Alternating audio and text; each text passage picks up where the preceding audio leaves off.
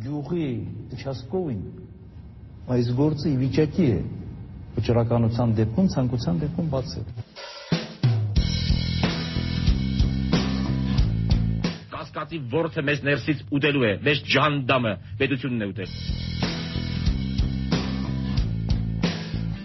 Ձեզ այնքան կծեծ են դալաններում, որ դուք կարտագաղթեք։ Yeah, you know? Hollywood. Երրորդ հանրապետության 4-րդ նախագահական ընտրությունների պաշտոնական քարոզարշավը մեկնարկեց 2003 թվականի հունվարի 21-ին։ Վերընտրվել ցանկացող Ռոբերտ Քոչարյանից բացի ընտրարշավին եւս 10 տեխնացու էր մասնակցում։ Ինչպես եւ 98-ին, 2003-ին եւս քարոզարշավի պաշտոնական մեկնարկից դեռ մի քանի օր առաջ ընդդիմությունը հայտարարում էր Ռոբերտ Քոչարյանն ընտրություններին մասնակցելու որևէ իրավունք չունի։ Քոչարյանի առաջադրումը չի համապատասխանում Հայաստանի Հանրապետության համանդրության 50-րդ հոդվածի պահանջներին։ Մասնավորապես մատնանշվում է այն հանգամանքը, որ մինչև 97 թիվը Քոչարյանը հանդիսացել է ԼՂՀ նախագահ, իսկ համաձայն այդ երկրի օրենսդրության այդ բարձրագույն պաշտոնը կարող է զբաղեցնել միայն ԼՂՀ քաղաքացին։ Հայաստանի Հանրապետության համանդրության 50-րդ հոդվածը պահանջում է, որ նախագահի տեխնացուն առնվազն վերջին 10 տարում հանդիսանա ԼՂՀ քաղաքացի եւ վերջին 10 տարում մեջ բնակված լինի Հայաստանի Հանրապետությունում եւ վերջապես այն հանգամանքի վրա է հravirվում ուշադրությունը, որ Քոչարյանը Հայաստանի Հանրապետության ազնագիր ստացել է միայն 1998 թվականի փետրվարին, անհայտ է թե երբ եւ ինչ հիմքերով է Քոչարյանը ստացել Հայաստանի Հանրապետության քաղաքացիություն։ Նկատելի էր սակայն, որ 2003-ին Քոչարյանն ու նրա թիմակիցները ընդդիմության այս հայտարարություններին շատ ավելի անվրդով էին արձագանքում, քան դրանից 5 տարի առաջ։ Չեք համարում, որ 5 տարի արդեն գործող նախագահի Պարագան տվյալ դեպքում երևի նման նման մտադրությունը մի քիչ այնպեսին է որ պետք է հումորով հոհացի։ Ժամանակ շարեցին գրանցեցին հիմա իրենց գործ։ Ռոբերտ Քոչարյանի նման հանգստության պատճառը པարզ էր։ Պարակտված ընդդիմությունը գործող նախագահի գրանցումը կենտրոնական ընտրական հանձնաժողովում չեղարկելու որևէ շանս չուներ։ Տեխնացուների գրանցման նպատակով հravirված ԿՀ-նիստը այդ իրողության եւս մեկ ապացույցն էր։ Ռոբերտ Քոչարյանին որպես տեխնացու գրանցելու հարցին դեմ քվեարկեցին ԱԺՄ եւ ազգային միաբանության ներկայացուցիչները։ Հանձնաժողովում ընդդիմադիր 16-ի միակ մյուս ներկայացուցիչը Հայկոմ Կուսից Վիլեն Սուքյասյանը ոչ միայն քվեարկեց նախագահի եւ նրան սատարող ուժերի ներկայացուցիչների պես, այլև երբ պարոն Պլուզյանն առարկություն ուներ պարոն Քոչարյանի առնվազն 10 տարվա քաղաքացիության եւ 10 տարվա բնակության հարցերում, պարոն Սուքյասյանը բարկացած բացականչեց. «Բա երաբլուրն ինչ է։ Բացի այդ նախորդ անգամ գրանցել ենք տեխնացությունը։ 3 տարի է մեր նախագահն է»։ Կողքից ուշեցին 5 տարի։ 5-ա հարցրեց։ Կենտրոնական ընտրական հանձնաժողովի 2003 թվականի հունվարի 15-ի նիստին ներկա էր Ռոզան Խաչատրյանը։ 2003 թվականը 1998-ից մեկ այլ առումով եւս տարբերվում էր։ Այս անգամ տեխնացուների գրանցման օրինականության շուրջ քննարկումները միայն Քոչարյանին չէ որ վերաբերում էին։ Նախագահական ընտրություններին ցանկանում էին մասնակցել նաեւ ընտրություններից ընդամենը 1.5 տարի առաջ հայկական անձնագիր ստացած նախկին արտգործնախարար Ռաֆի Հովանիսյանն ու երկար տարիներ Մոսկվայում բնակված քաղաքագետ եւ գործարար Արամ Կարապետյանը։ Վերջինիս առաջադրել էր Ժրանտ Խաչատրյանի եւ Հայկ Բաբուխանյանի սահմանադրական իրավունք միությունը եւ եթե Կարապետյանի պարագայում կենտրոնական ընտրական հանձնաժողովը որևէ առարկություն չուներ, ապա Ռաֆի Հովանիսյանին նախագահի պաշտոնի համար պայքարելու հնարավորություն այդպես էլ չտրվեց։ Երկակի ստանդարտ վերնագրի ներքո առավոտում նշված է Եթե երկրի սահմանադրության վրա թքած ունենալով առաջնորդվում ենք բարոյական չափանիշներով, ապա արդյոք անբարոյականություն չէ խոսել Ղարաբաղը Հայաստան, Ղարաբաղցիներին հայաստանցիներ համարելու մասին եւ այդ անպագորգոր հայտարարությունները միայն բացառության կարգով շնորհել Ռոբերտ Քոչարյանին։ Ազատության 2003 թվականի հունվարի 16-ի եթերում մամուլի տեսությունը ներկայացնում էր Հրաչ Մելքումյանը։ Քարոզարշավի առաջին օրը Ռոբերտ Քոչարյանն այցելեց Գիտությունների ազգային ակադեմիայում տեղակայված իր նախընտրական շտաբ, դիմելով քարոզչական թիմին, որի կազմում էր գրեթե ողջ կառավարությունը, վարչապետ Անդրանիկ Մարգարյանի գլխավորությամբ, Քոչարյանը հատուկ ընդգծում էր, ընտրությունները պետք է ազատ եւ արդար անցնեն, ցանկալի է առանց վարչական ռեսուրսի կիրառման։ Փորձենք միասին այնպես անել, որ առաջին հաղթ հաղթանակը ոչ մեկի համար կասկածելի չի լինի, հաղթանակը լինի ազնիվ, ժողովրդի ձայների միջոցով, այլ ոչ թե փորձենք ադմինիստրատիվ ռեսուրսի, այսպես գեր, կիրառման ճանապարհով ինչ որ հարցեր լուծել։ 1998 թվականի ընտրություններին իմ կուսակցությունը ժողովուրդն է կարգախոսի ներքո մասնակցած Ռոբերտ Քոչարյանը 2003-ին արդեն այլ նշանաբան ուներ աշխատենք միասին։ Նախընտրական առաջին իսկ հանդիպումներից པարզ դարձավ. Քոչարյանի շտաբում աշխատող քաղտեխնոլոգները թե տեխնացուին, թե նրան ուղեկցող քաղաքական գործիչներին ու մտավորականներին հանձնարարել են ելույթներում որքան հնարավոր է հաճախ օգտագործել միասին աշխատելու թեզը։ Եվս երկու տարվա նման աշխատանք եւ անպայման դեզանից յուրաքանչյուրը իր վրա, իր ընտանիքի վրա, իր երեխայի վրա զգալու է մեր միասին աշխատանքի արդյունքը։ Աշխատենք միասին։ Դե արի հետս բանվորություն արա, անմիջապես արձագանքեց հետին շարքերից տղամարդու մի ձայն։ Ցեղասպանության թանգարանի տնորեն Լավրենտի Բարսեղյանի ելույթից։ Եկեք բոլորս միամուր մեր ձայնը տանք Ռոբերտ Քոչարյանի օգտին, որպեսզի նա աշխատի մեզ հետ միասին։ Արմավիրի վարժարանի ուսուցչուհի Այդա Գրիգորյանի ելույթից այս հատվածներն եմ առանձնացնում։ Սիրելի Ռոբերտ Սետրակի, աշխատենք միասին, աշխատենք ազգովի, իրար սիրելով, իրար ներելով, Ներողամտության եւ հանդուրժողականության թեման ի դեպ 2003 թվականի Քոչարյանի ընտրարշավի սկզբնական շրջանում բավական հաճախ էր հանդիպում։ Նախագահի քարոզչական շտաբն ակնհայտորեն փորձում էր օգտագործել նախընտրական հավաքները Քոչարյանի հանրության համար ավելի ընդունելի իմիջ ձևավորելու համար։ Պաշտոնավարման առաջին 5 տարիներին ականջ քաշելու, Մոսկաների, Ուչաստկովի եւ միակ տղամարդու մասին հայտնի արտահայտությունների հեղինակի փոխարեն հայ ընտրողին պետք է ներկայանար նոր, հանդուրժող, ժողովրդ ժողովրդի հետ անմիջական շփումից չխորշող Ռոբերտ Քոչարյանը։ Կարոշչական այս մարտավարության առաջին փորձարկումներից մեկը 2003-ի հունվարի 23-ին էր Դավիթ Հաշենում։ Մենք չպետք է չարություն սերմանենք մեր ժողովրդի մեջ։ Ոչ մի երկիր, ոչ մի ժողովուրդ չարության վրա իր բարեկեցությունը չի կառուցել եւ հնարավոր չի կառուցել։ Սա կարծում եմ մեր այս նախընտրական արշավի Միգուցե ամենից մեծ ձեռքբերումը կլինի, եթե մենք կարողանանք նաև տեխնացուները, նաև տեխնացուների թիմերը այնպես իրենց դրսևորել, որ չարությունը չսերմանվի եւ չխորանա։ Դավիթ Հաշենցիները հրաապարակ էին եկել միմիայն իրենց սոցիալ-կենցաղային հոգսերի համար։ Համենայն դեպս այդպիսին էին նախագահին ուղված նրանց հարցերը, չնայած ասվեց, որ համայնքում 24-ժամյա ջրամատակարարում կա, տակ դպրոցներ, գազամատակարարում, վերջապես կամուրջ։ Նույնիսկ այնքան է արվում, որ բամբասանք է տարածվել, թե նախագահան հետագայում, որ նախագահան չի լինի, ուզում է Դավիթ Հաշենը երևի տուն կառուցի։ Դրա դրա համար հատուկ հատուկ ուշադրություն է դարձնում Դավթաշենին չի բացառում Ստեփան Դեմիրճյանի շտաբում սակայն կատակելու տրամադրություն չունեին։ Քարոզ արշավի առաջին իսկ օրերից ընդդիմադիր տեխնատուի արշավը բախվում էր խոչընդոտների։ Սկզբում հունվարի 23-ին Ստեփանավանում նախատեսված հանդիպումից մի քանի րոպե առաջ անհետացավ հրապարակ բերված բարձրախոսը։ Երկու օր անց էլ Փարաքարում եւ Հարակից գյուղերում Դեմիրճյանի նախընտրական հանդիպումները խափանեց Քոչարյանի կողմնակիցներից մեկը Արաքել Մովսիսյանը, նույն ինքը Շմայսը։ Ստեփան Դեմիրճյանը առաջինն էր փաստորեն նախագահի տեխնացուներից, որ հանդիպելու էր ժողովրդին Էջմիածնում եւ մոտակա գյուղերում։ Սակայն ծայրով գյուղում արդեն նրանցից ընդամենը 10 րոպե առաջ ավտոմեքենաներով մի խումբ տղամարդիկ էին եկել պատերին փակցված Դեմիրճյանի նկարները պոկել ու զգուշացրել էին ժողովրդին դուրս չգալ տներից։ Գյուղի բնակելի շենքերից մեկի բակում քիչ, բայց հավաքված մարդիկ այնուամենայնիվ կային։ Չեմ տեսել, ես ազիջան, ասում ահաբեկել են, ինչ են արել, չեմ ասում։ Եղել է, եղել, բայց չեմ կասել ո ինչ։ է։ Ես ինեն դարեցուր ամեն ինչ կանաս ասես էլի։ Վախենում է։ Անպայման։ Գրեթե նույն պատկերը Փարաքար գյուղում էր։ Գյուղամեջում մոտավոր հաշվարկներով երևի 30-ից 40 մարդ կար հավաքված։ Այստեղ է Ստեփան Դեմիտրյանի գալուց առաջ էլի մի հավաք է եղել։ Շմայսն ու նրա ընկերները արդեն հասցրել էին զրուցել գյուղացիների հետ, բայց այս անգամ չէին հեռացել ու հեռվից հետևում էին թե ինչ է կատարվում, ով ինչ հարց է տալու։ Չենք իմանում ովքեր են, ինչ են, դա մեզ չի դարձնում, ժողովուրդը միանշանակ մեր հետ են բոլորս ընդունում են Քոչարյանին։ Ազատության 2003 թվականի հունվարի 25-ի եթերում Ստեփան Դեմիրճյանի ձախողված հանդիպումների մասին պատմում էր Կարինե Խալանթարյանը։ Կանցնի եւս մի քանի օր եւ իշխանության տեխնացուին աջակցող տեղացի պաշտոնյաներին ու քրեական հեղինակություններին գրեթե անհնարին կդառնա կրկնել այն, ինչ Շմայսին հաջողվել էր անել Թայիրովում եւ Փարաքարում։ Չնայած խոչընդոտներին Ստեփան Դեմիրճյանի հանդիպումներն ավելի մարդաշատ էին դառնում, փոխվում էր նաեւ դրանց ընթացքում տիրող մթնոլորտը։ Քարոզարշավի 10-րդ օրերն է արդեն, եւ ժողովուրդը առաջին օրերի համեմատությամբ շատ ավելի ջերմ է ընդունում նախագահի տեխնացու Ստեփան Դեմիրճյանին։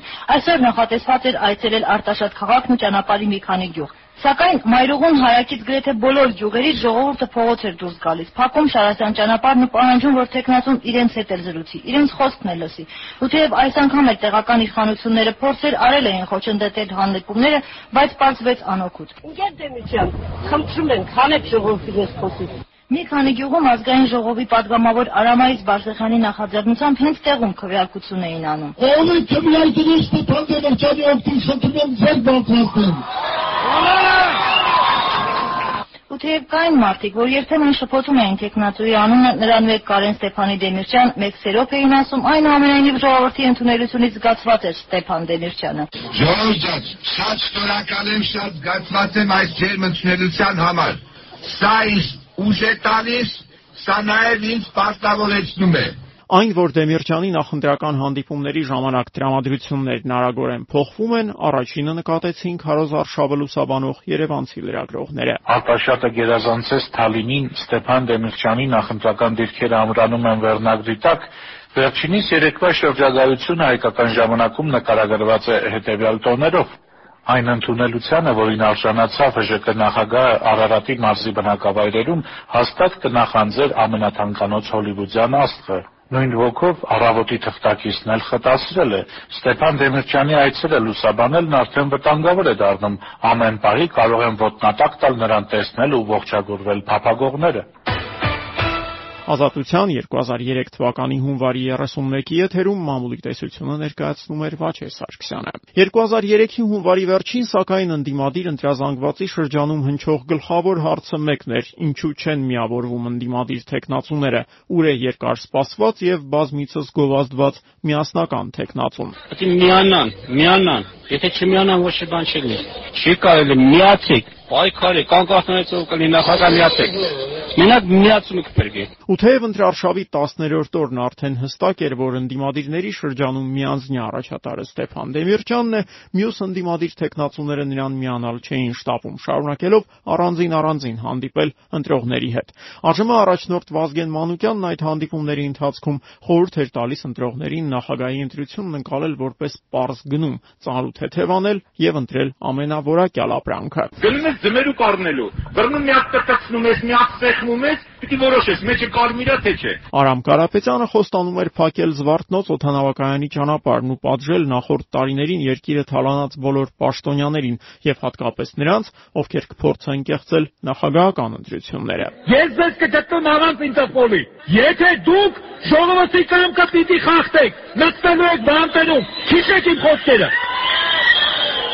Հանրապետություն կուսակցության կողմից առաջադրված Արամ Զավենի Սարգսյանն էլ քարոզարշավի սկզբից ստանձնել էր Ռոբերտ Քոչարյանի նախընտրական հանդիպումների ժամանակ հնչող հայտարարությունների գլխավոր հակադարձողի դերը։ Սարգսյանին հատկապես դուր չէր եկել նախագահի եւ նրա թիմակիցների կողմից հաճախ կրկնվող այն պնդումը, թե Քոչարյանն իր պաշտոնավարման առաջին ժամկետի ընթացքում երկիրը լիարժեքորեն ի վիճակի է եղել կառավարել միայն 3 տարի 2000 թվականից հետո։ Հետո հորդ եմ խանգարում աշխատելու Կարեն Դեմիրճյանն ու Վարդգես Սարգսյանը 2003-ի հունվարին, սակայն հանրության ուշադրությունը սևեռված էր մեկ այլ տեխնացուի՝ Արտաշես Գեղամյանի վրա։ Ազգային միաբանության առաջնորդը ընդդիմադիր գործիչների շարքում միակն էր, որն իր վարկանիշով, տեղական շտաբերի ցանցով, ճանաչելիությամբ եւ ռեսուրսներով ի վիճակի էր մրցել Ստեփան Դեմիրճյանի հետ։ Չնայած դրան, Գեղամյանի քարոզարշավը հենց սկզբից լուրջ հաջողություններ արձանագրել չկարողացավ։ Հունվարի վերջին օրերին Ստեփան Դեմիրճյանն արդեն իսկ մի շարք բնակավայրերում բազմահազարանոց նախընտրական հանրահավաքներ էր անցկացրել։ Գեղամյանը ստիպված էր սահմանափակվել մի քանի տասնյակ, լավագույն դեպքում մի քանի 100 ունկնդիրներով։ Ազգային միաբանություն կուսակցության նախագահ նախագահի տեխնացու Արտաշես Գեղամյանն այսօր քարոզչական արշավը շարունակեց դեպի Արագածոտնի մարզ։ Առաջին այցելեցինք Կալբի գյուղը։ Հավաքված բազմությունն այնքան էլ մեծ չէր։ Կարվեցիների խոսքերով ժամը 11-ը նույնիսկ գյուղի համար դեռ վաղ առավոտ է, այն էլ զմռանը։ Եվ բացի այդ, քաղաքական հարցերում այնքան էլ ճիշտ ժողովուրդն չեն հետաքրքրում, որովհետև համարյա ամեն բանի չեն հավատում արդեն։ Այստեղ ոչ մեկին էլ չեն հավատում։ Կարդեցիներին ընդհանրապես խაფելը դժվար է։ Նրանք նույնիսկ մականուն ունեն, որ դա է ապացուցում։ Սատանա խափող են, ոչ մեկը չի կարա կարփեցին խափի։ Կարփեցին սատանին խափելա։ մեզանից մոտ 100 տարի առաջ։ Օհանավանում հավաքված բազմության մեջ ոչ մի կին չկար։ Մի մեծահասակ կնոջ միայն հանդիպեցինք, որ կանգնել էր իր տան շեմին, նրան էլ հարցնում ենք. «Իսկ ձեր գյուղի կանայք ուր են»։ Ուշում են մեր գյուղի կնանիքը վարել են դուս։ Հասկացա՞ր։ Ինչի՞ց են ամաչում։ Ամաչում են, չգիտեմ ինչի, տնտնից քեզից են մեկից։ Այդպես է մեր գերի կնանիքը։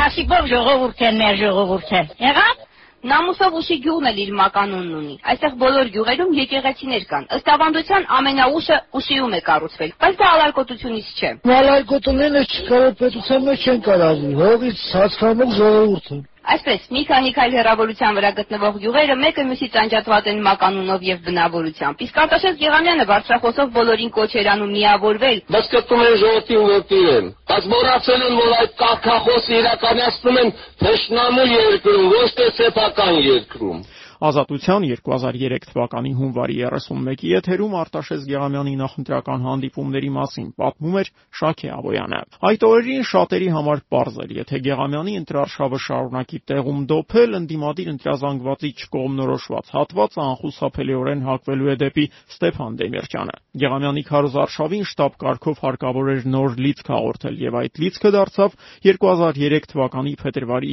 2-ին։ Ընտրություններից ընդամենը 17 օր առաջ ՀՄԵԿ-ի եթերում հեռարձակված բանավեճը դրա ընթացքում Արտաշես Գեղամյանի ընդդիմախոսն էր Ռոբերտ Քոչարյանի նախընտրական շտաբի ղեկավար Սերժ Սարգսյանը։ Ինչպես արձանագրում է հայկական ժամանակ թերթը, Գեղամյանի կողմնակիցների գնահատականը միանշանակ է։ Ազգային միաբանության նախագահը հաղթեց Սերժ Սարգսյանին։ Որոշ տեղեկությունների համաձայն այս կարծիքը կիսում են նաև Քոչարյանի թիմակիցները ու նրանցից ոմանք այդ պարտության համար պատասխան են պահանջել Սերժ Սարգսյանից։ Ըստ լավատեղյակ աղբյուրների Սարգսյանը մի միջավայրում խոստովանել է, որ դիտավորյալ է պարտվել, սակայն դա պատճառաբանել է հետևյալ կերպ. Գերամյանի վարկանիշը ընկնում էր եւ եթե այդպես շարունակվեր, Գերամյանը ստիպված էր լինելու հոգուտ Դեմիրճյանի հանելիք տեխնացությունը։ Ու թեև Գեղամյանի վարկանիշի անկումն այս բանավեճի շնորհիվ կանգ առավ կամ գոնե դանդաղեց Ստեփան Դեմիրճյանի օրեցօր աճող ժողովրդականության վրա, դա աննշան ազդեցություն ունեցավ։ ՀԺԿ առաջնորդի քարոզարշավի թափը չէին կարող կոտրել ոչ ընտրարշավի անհամաչափ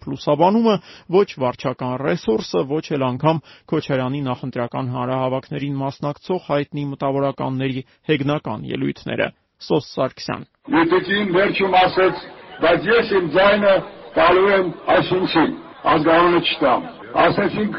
ձեր իրավունքն է, բայց ինչու պիտին։ Ասեց, գիտեք, բոլոր սիրուն տղա է։ Ռազիկ Դավյանն էլ ասեց, արի ճշտեմ քույրիկ ջան, հեսա եք ընտրում, թե նախագահ։ Մի հարցում սակայն Քոչարյանին աջակցող անվանի մտավորականներն այնքան էլ չէին սխալվում։ Նախագահական ընտրություններից մոտ երկու շաբաթ առաջ Դեմիրճյանի ընտրարշավն ավելի ու ավելի էր հարսանիք հիշեցնում։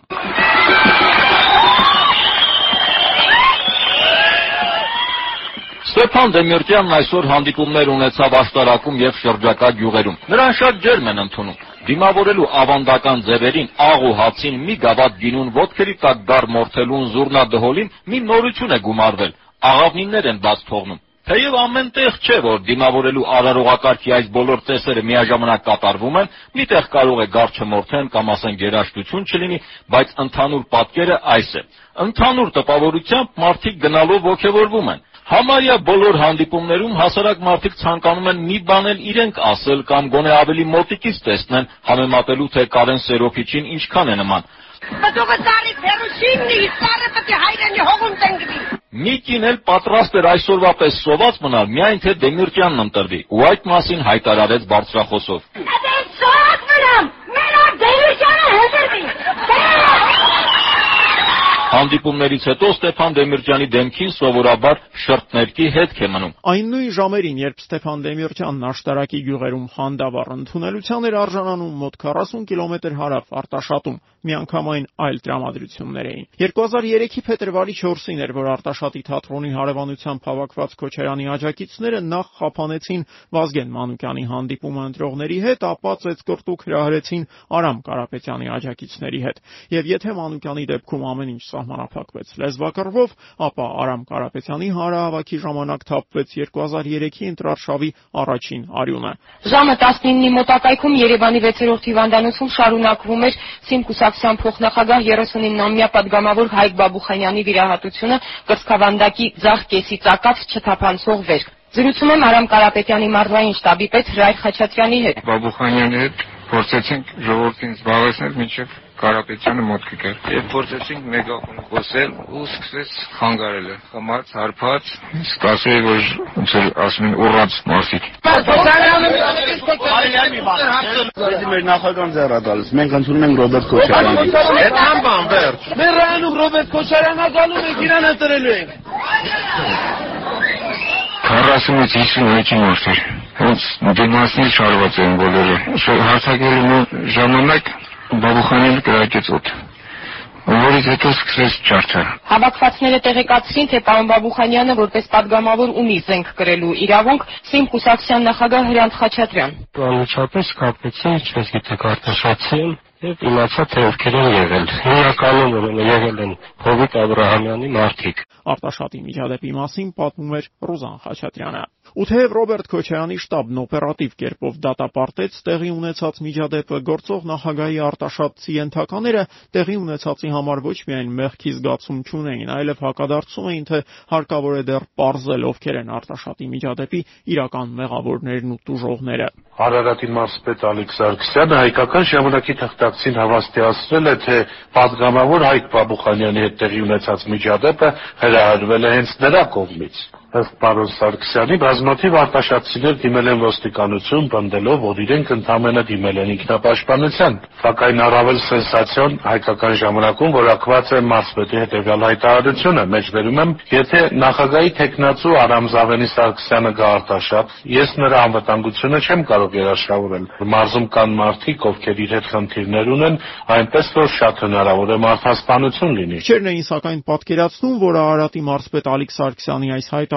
կդառնա 2003-ի ընտրարշավի շրջադարձային պահերից մեկը։ Ալիկ Սարգսյանի հայտարարությունները ընդդիմադիր տեխնացուներից մեկին Հարամ Զավենի Սարգսյանին նետված մարտահրավեր էին, մարտահրավեր, որ նա չընդունել չէր կարող։ Արտաշատյան ծեծկրտուքից 3 օր անց փետրվարի 7-ին Վազգեն Սարգսյանի եղբայրը մեկ այլ ընդդիմադիր տեխնացուի Արամ Կարապետյանի հետ ժամանեց Արտաշատ ազատության եթերում 2003-ի փետրվարի 7-ին Արտաշատում ծավալված իրադարձությունները ներկայացնում էր Հրաչ Մելքումյանը։ Արտաշատի հրապարակը լեփ-լեցուն էր։ Հրապարակ մտնող կենտրոնական փողոցը ոստիկանները փակել էին։ Հազարավոր մարդիկ էին հավաքվել։ Տեղացիներից բացի եկել էին կողքի գյուղերից, Արարատ քաղաքից, դեռ Երևանում Հանրապետություն կուսակցության գրասենյակի մոտ տարբեր մարզերից եկած երկրապահները եւս Արտաշատ եկան։ Եկել եմ հանրահավաքին Իսպարապետի եղբոր համար սպառնացել են, եկել ենք տեսնենք ովքեր են սպառնացողները։ Այսօրվա Արտաշատի հանրահավաքն իհարկե ընտրողների հետ սովորական հանդիպում չէր, սա մի ակցիա էր, պատասխան փետրվարի 4-ի դեպքերին։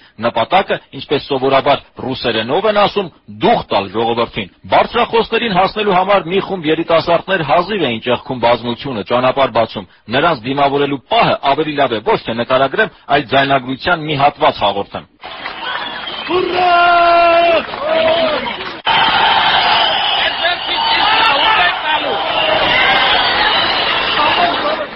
Ես չեմ եկել այստեղ, որ ցույց տամ, թե ինչարից կոմ տղա եմ։ Ես չեմ եկել այստեղ, որ ցույց տամ, որ չեմ վախենում։ Ես եկել եմ այստեղ, որովհետև ես այստեղից եմ, որովհետև արտաշատում ես շունեմ ճշտամի։ Երկար մտածելուց հետո փորձեցի գտնել գոնե մեկ ճշտամի, պարզվեց, որ Աբրամյան հովիկն էլ ինձ ճշտամին չի։ Ժողովուրդ ջան, ջուղ չկա, որ մուկ չլնի։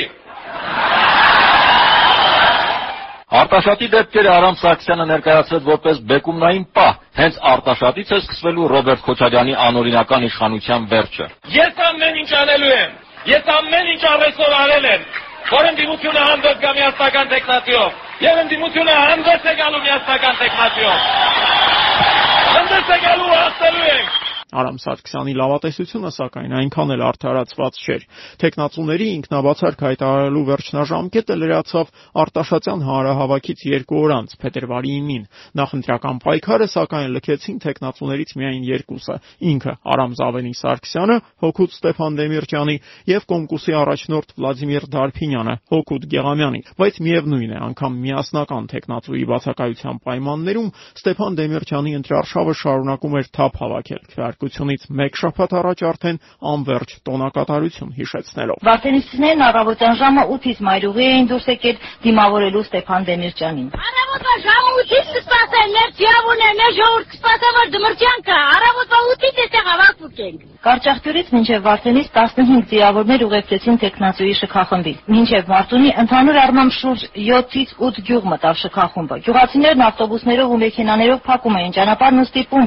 խնդրում էին Դեմիրճանին իրենց գյուղ էլ մտնել։ Եվ հենց այդ պատճառով էլ տեխնացու Դեմիրճյանը Մարտունիում ժամը 13:39-ին նախատեսված հանրահավաքին հասավ միայն ժամը 16-ին։ ՀԺԿ առաջնորդի Մարտունիում եւ Վարդենիսում ունեցած այս հանդիպումներից հետո ընդդիմադիր շրջանակներում ողջավորությունը գագաթնակետին հասավ եւ եթե իշխանամետ թերթերը դեռ պնդում էին, թե ընտրարշավի առաջատարը Քոչարյանն է, ընդդիմադիր լրատվամիջոցները վստահ էին փետրվարի 19-ի քվեարկության արդյունքները գրեթե 100%-ով կանխորոշված են։ 19-ի ընտրությունների ելքը միանշանակ པարզ է, ժողովուրդը ընտրելու է իր նախագահին Ստեփան Դեմիրճյանին, երեկվա Գեղարքունիքյան այցից հետո ազդարարում է Օրյան թերթը։ Նույնպիսի տրամադրություն են փոխանցում նաև առավոտն ու հայկական ժամանակը։ Վերջինիս թղթակցի ձևակերպմամբ Ստեփան Դեմիրճյանի նկատմամբ ժողովրդի սերը վերաճում է աղանդավորական շարժման, Այնինչ երեկ կատարվում էր Գեղարքունիքի մարզի Մարտունի եւ Վարդենիսի շրջաններում շատ կարճ կարելի է բնորոշել որպես պաշտամունքի արարողություն։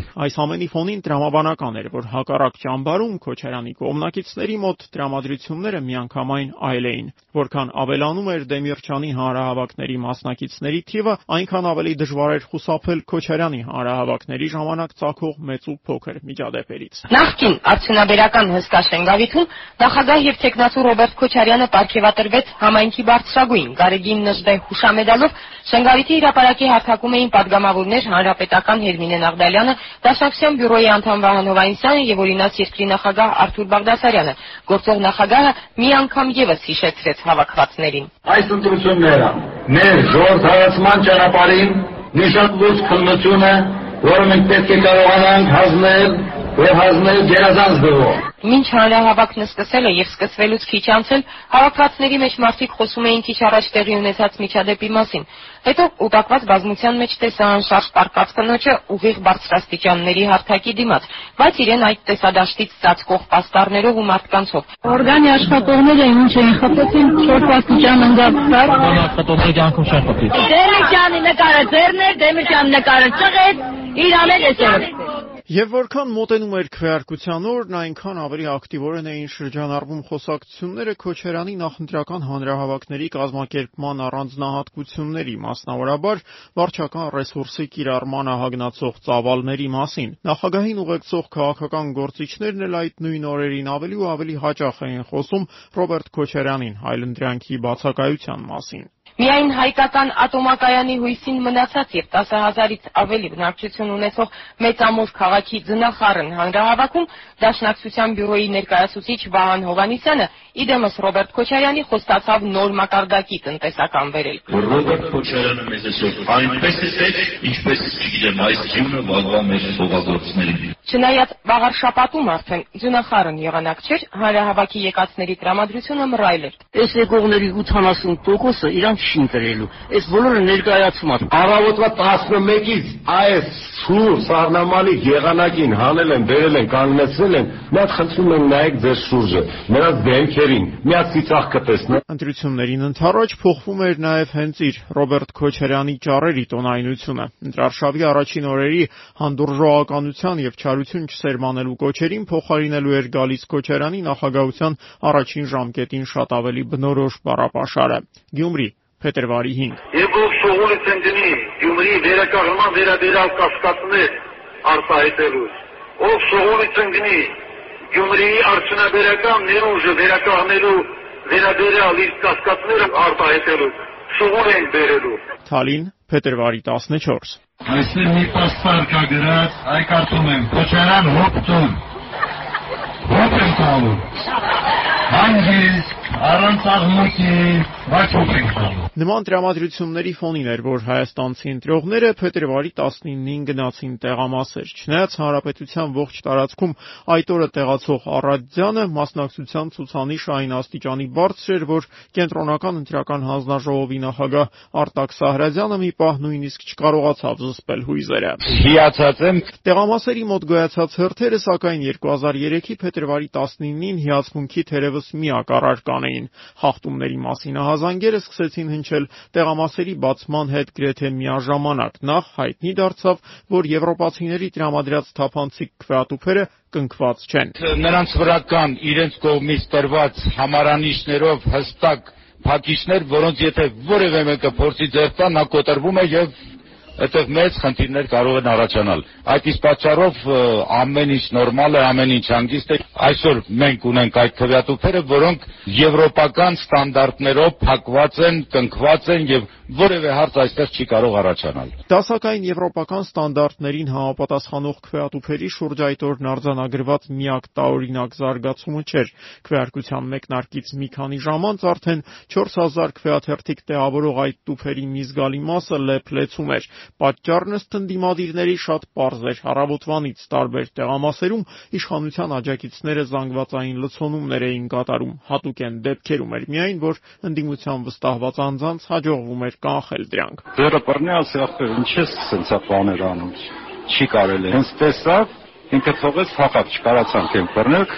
թերթիկները ծերից վերցրի 7 հատ էր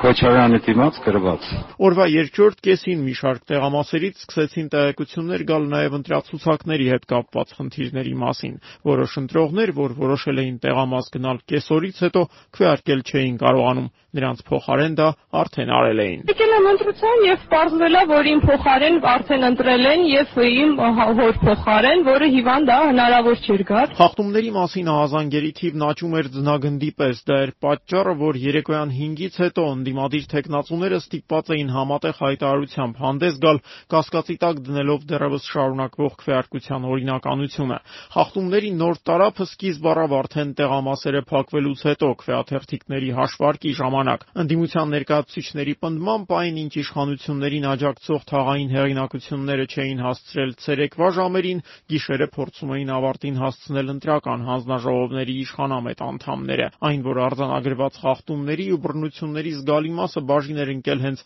հաշվարկի փուլին, հաջորդ օրն առավոտյան կայացած ասուլիսի ժամանակ հաստատեց նաև ՀԱՀԿ դիտորդական առաքելության ղեկավար Պիտեր Այքերը միանշանակորեն պնդելով, թե ընտրությունները միջազգային չափանիշներին չէին համապատասխանում։ However, there were a number of significant shortcomings in regard to international standards. Ըստ պարոն Այքերի հատկապես լուրջ մտահոգության տեղիք են տվել քվեատուփերի լցոնման դեպքերը, մասնավորապես 250-րդ, 703, 219, 122 եւ 133-րդ ընտրական տեղամասերում, իսկ ընտրությունների ավարտից հետո արդեն հաշվարկման գործընթացի ժամանակ թիվ 390 տեղամասում միջազգային դիտորդները քվեաթերթիկների լցոնման դեպքի են ականատես եղել։ Արևմտյան դիտորդների այս հայտարարությունն էլ ավելի սրեց օդում թևածող լարվածությունը, լարվածություն, որի գլխավոր պատճառը կենտրոնական ընտրական հանձնաժողովի լռությունն էր։ Ընտրությունների ավարտից ավելի քան 12 ժամ էր անցել, սակայն 2003 թվականի փետրվարի 20-ին էլ ԿՀ-ն չէր շտապում հրապարակել նախագահական ընտրությունների կոնկրետ արդյունքները։